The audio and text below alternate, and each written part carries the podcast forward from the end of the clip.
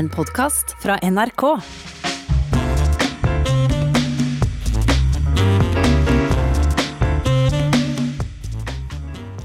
Denne veka presenterte Nasjonalbiblioteket ei satsing som skal pågå i flere år, som ei feiring av Magnus Lagerbøtes landslov.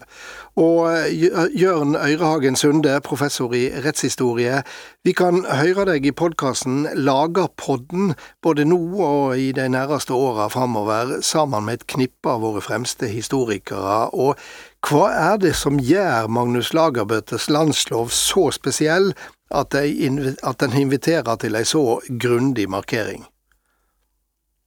Ja, Det er jo både det formelle kan vi si, og innhold. Når det gjelder det formelle, så er jo faktisk landsloven ei av bare fire riksdekkende lovbøker som ble gitt i mellomalderen. Det ble gjort mange forsøk på å gi store lovbøker, men det er altså bare fire av de prosjektene som, som lykkes. Sånn at eh, det å kunne lage en lovbok for å politisk styre en samfunnsutvikling allerede i mellomalderen, det er unikt. Og Det gjør jo at landsloven er verdt å markere i seg sjøl. Eh, men så kommer vi da over på selve innholdet. fordi Landsloven er en merkelig blanding av eldre heimlig rett og av ny rett henta utenfra fra de framveksende universitetsmiljøene i Europa. Og så skaper de blanding der som er ganske så unik, og ikke minst tok hensyn til ulike samfunnsgruppers interesse. Slik at landsloven ikke bare lykkes med å bli lagt, men den ble faktisk brukt. Du snakker om mellomalderen. Hva for år er vi snakker om? Når var det denne landslova ble eh, Landsloven blir endelig gitt i 1274, men da hadde de jobba med dette i ca. 15 år, faktisk.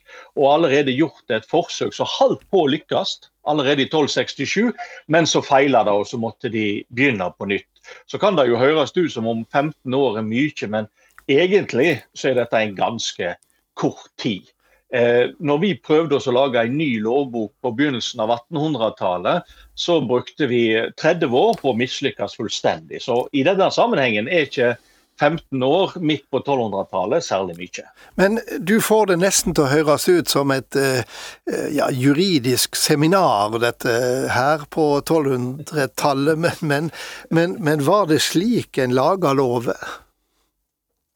Ja og nei. Altså For det første så eh, er det nok ikke et rent juridisk seminar, iallfall ikke til å begynne med. fordi Vi må tenke oss at lovboka ble primært skapt vinterhalvåret, når kongen er i ro. Fordi sommerhalvåret så reiser han rundt og besøker ulike deler av riket sitt. Han er alltid på farten.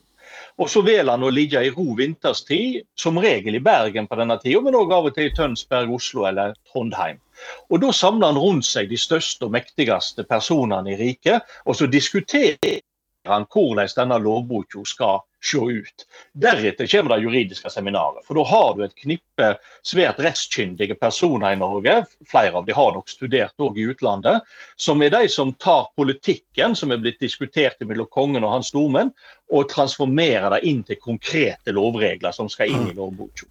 Altså, Magnus Lagerbøte har jo fått æra for landslova, og tilnavnet Lagerbøte det sikter jo mot han som lovgiver. Det er jo ikke mange konger som har fått tilnavnet sitt fordi fordi deres fremste egenskap er som lovgiver.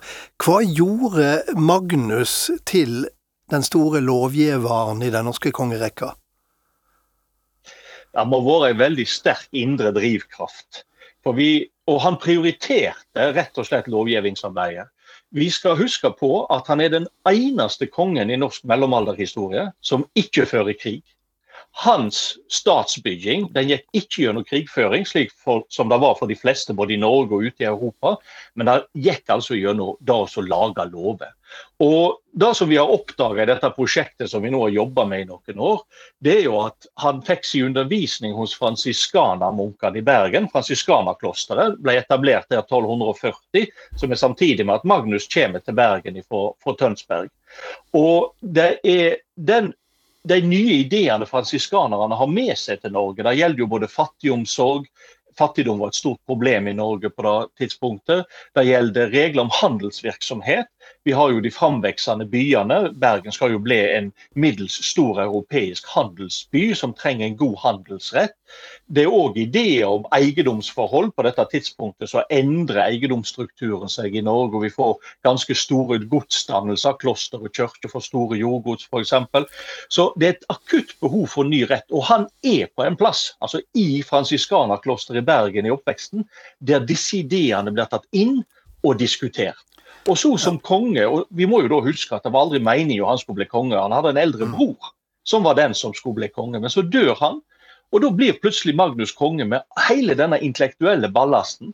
Og han har hatt en veldig ønske om å sette det ut i livet i form av en lovbok. Og så skjedde jo ikke dette i et eh, vakuum. Eh, Noen tiår eh, tidligere, om lag 50 år, så kom jo den engelske eh, lova Magna Carta som er blitt stående eh, som et skjellsettende eh, ting i, i, i britisk og kanskje også europeisk historie.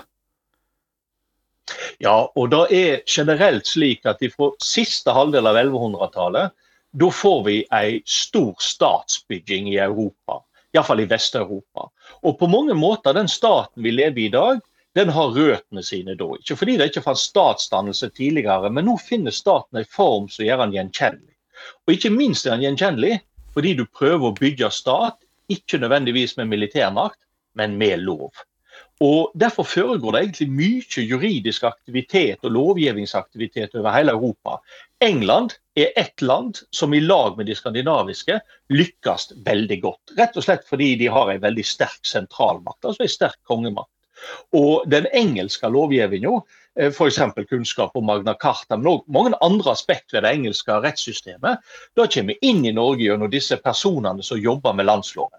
Det var iallfall fire personer. En av dem var biskop Askatin, som var biskop i Bergen, men engelsk av fødsel. Og vi ser i landsloven en god del engelsk inspirasjon, og da kommer nok gjennom han. Ja, og igjen ser en da at lover vokser fram eh, fordi det er behov for det, og fordi at det på en måte er et krav fra den statsdanninga som, som eh, vokser fram der. Det skal vi snakke mer om, for vår samtale er ikke slutt ennå, Jørn Øyragen Sunde.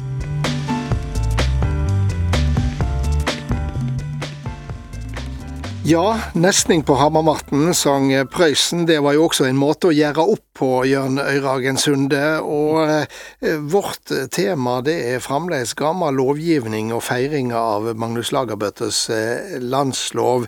Vi snakka akkurat om eh, at her ble det henta inspirasjon fra eh, England, Magna Carta, eh, statsdannelsene som dukka opp i, i Vest-Europa.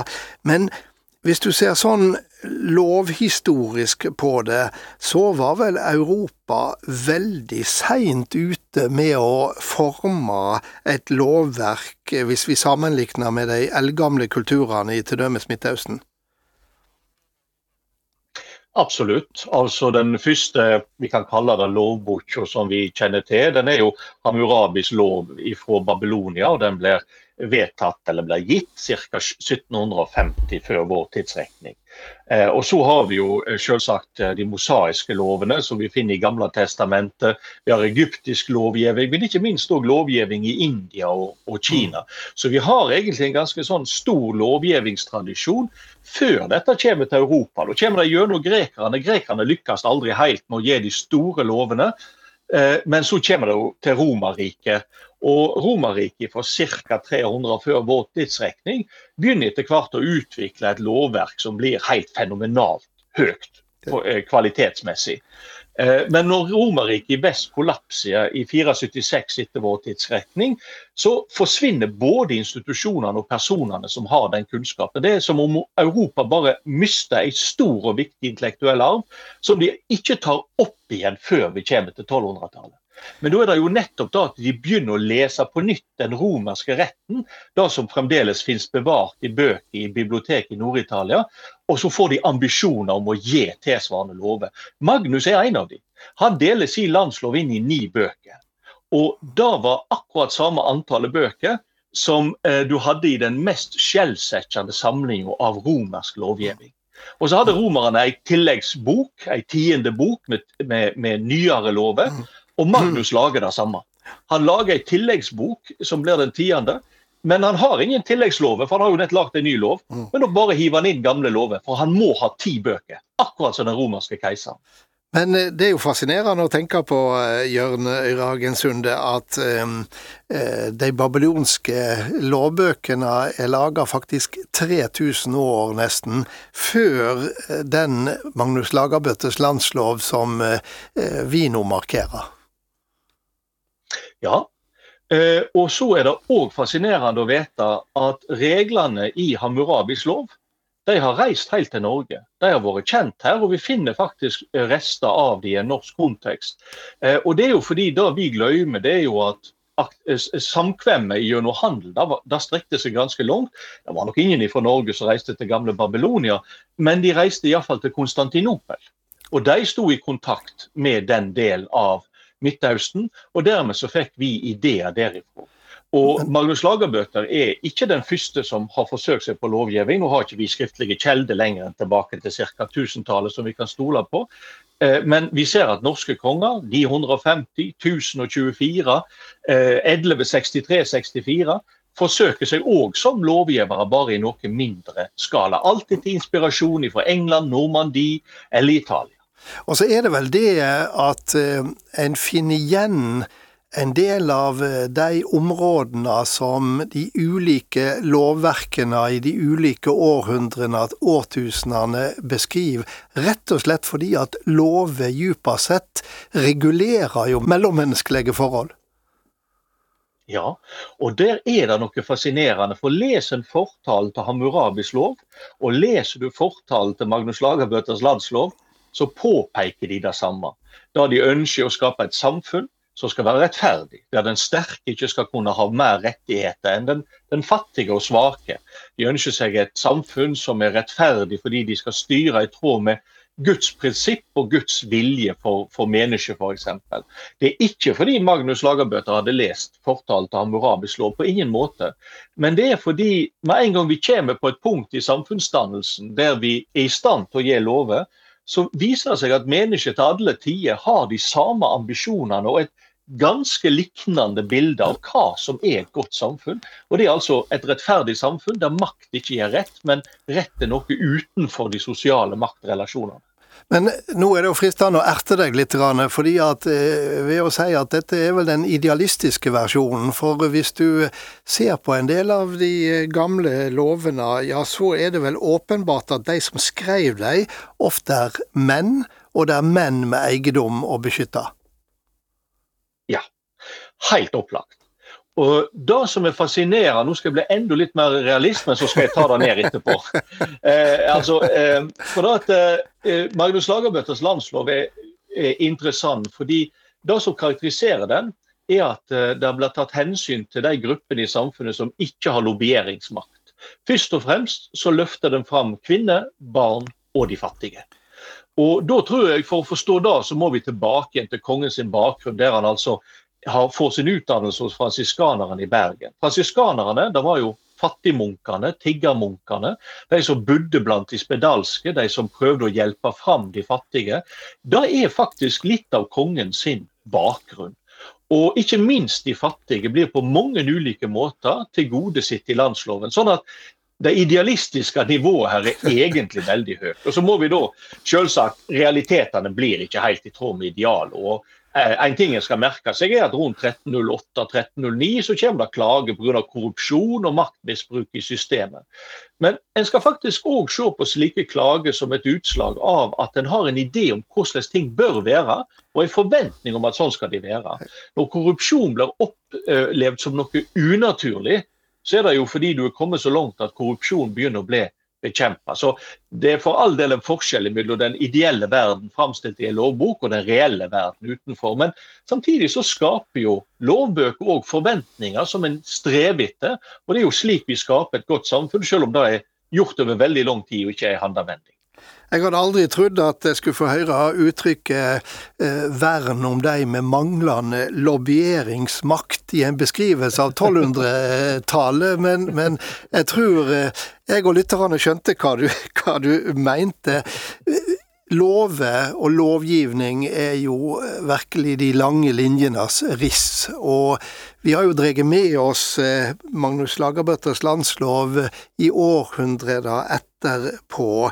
Eh, hvordan finner du den igjen i både Grunnlova og i dagens lovgivning, selv om samfunnet de speiler er helt annerledes? Ja, det er klart at samfunnet er helt annerledes. En skal alltid være forsiktig med å dra de lange linjene, for de er aldri rette. Men, men det finnes krokete lange linjer gjennom historien. Og dette med lov i den norske rettskulturen er ei sånn lang linje. Det første en skal merke seg, det er jo at etter landsloven så er det jo flere store hendinger. En er svartedauden, en er at kongedømmet blir strengt tatt flytta ut av norsk, eh, Norge. Det skal òg skje mange andre eh, hendinger som gjør at mye av statsmakta hele tida blir liggende utenfor norske landegrenser. Det som blir liggende igjen i Norge, er landsloven. Uansett hva land vi har vært i union med, så har vi alltid hatt en egen rett, en norsk rett, og et eget rettssystem. Sånn at i Norge så har lov helt forunderlig blitt en identitetsmarkør. Lov det er nesten da å være, å ha lov er å være norsk. Og Derfor så var det nesten en umerkelig overgang til Grunnloven, og at vi begynte å feire Grunnloven som vår nasjonaldag. Fordi vi har knytt vår identitet og vårt selvbilde til lov helt siden 1400-tallet. faktisk. Så det, det, er den ene arven. Den andre arven som jeg syns er spesielt viktig, det er at vi forbinder lov med noe positivt. Det er for oss helt naturlig, men det er ikke naturlig i en global kontekst. Mm. Spør du f.eks. en italiener kan forbinde med lov, så vil han si kanskje elitisme, eh, maktmisbruk, korrupsjon osv. Mens i Norge så tenker vi jo på lov som noe positivt og noe bra. Som noe som bygger samfunn og fellesskap. Eh, vi er jo faktisk så lovtru at du trenger ikke engang gi oss lov. Du kan bare fortelle oss hvor mange folk vi skal ha på besøk på julaften, og jammen så føler vi det. Det er helt utrolig. Men det er jo fordi vi har hatt en, en tradisjon for at styring og lov er bra. Dette er jo selvsagt òg farlig, for den, den, den, tilliten kan misbrukes. Men samtidig er det noe veldig vakkert òg med den voldsomme tilliten som, som vi nordmenn har til lov og, og styring gjennom lov. Vi må eh, dessverre avslutte, eh, Jørn Øyrehagen Sunde, men du har i alle fall gjeve ei usedvanlig overbevisende radioforelesning om hvorfor det er verdt å markere eh, Magnus Lagerbøttes landslov. Og så runder jeg av med min faste kommentar. Her er denne vekas Stang inn, stang ut.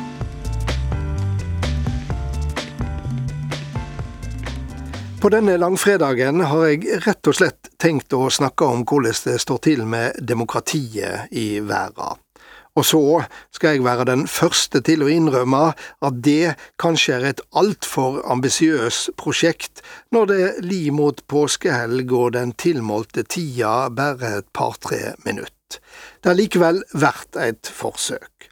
For de siste 15 åra har The Economist Intelligence Unit utarbeida noe de kaller en demokratiindeks.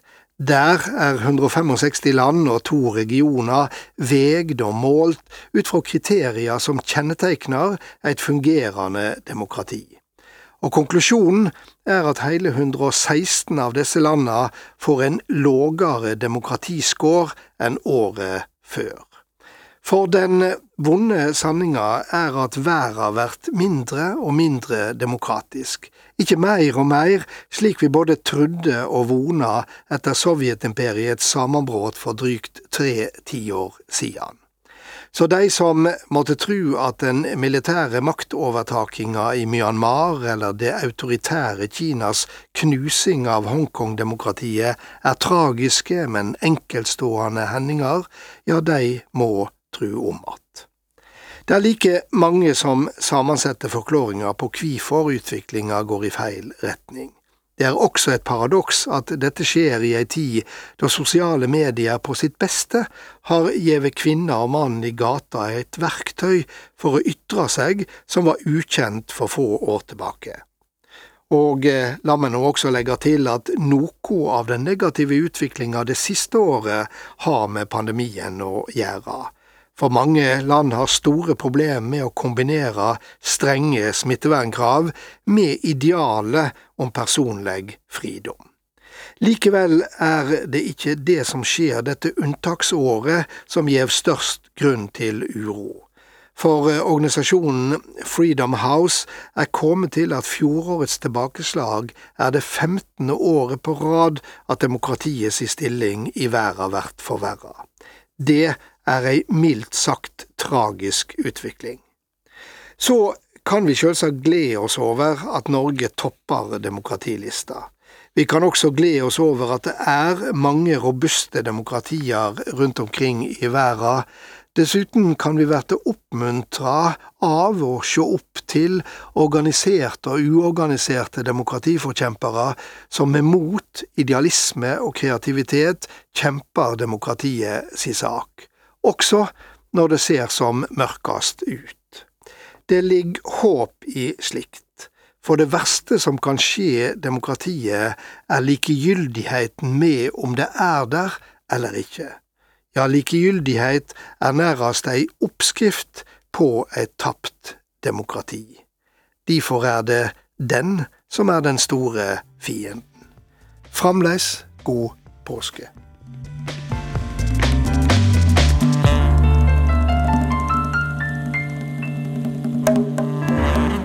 Du har hørt en podkast fra NRK. Hør flere podkaster og din NRK-kanal i appen NRK Radio.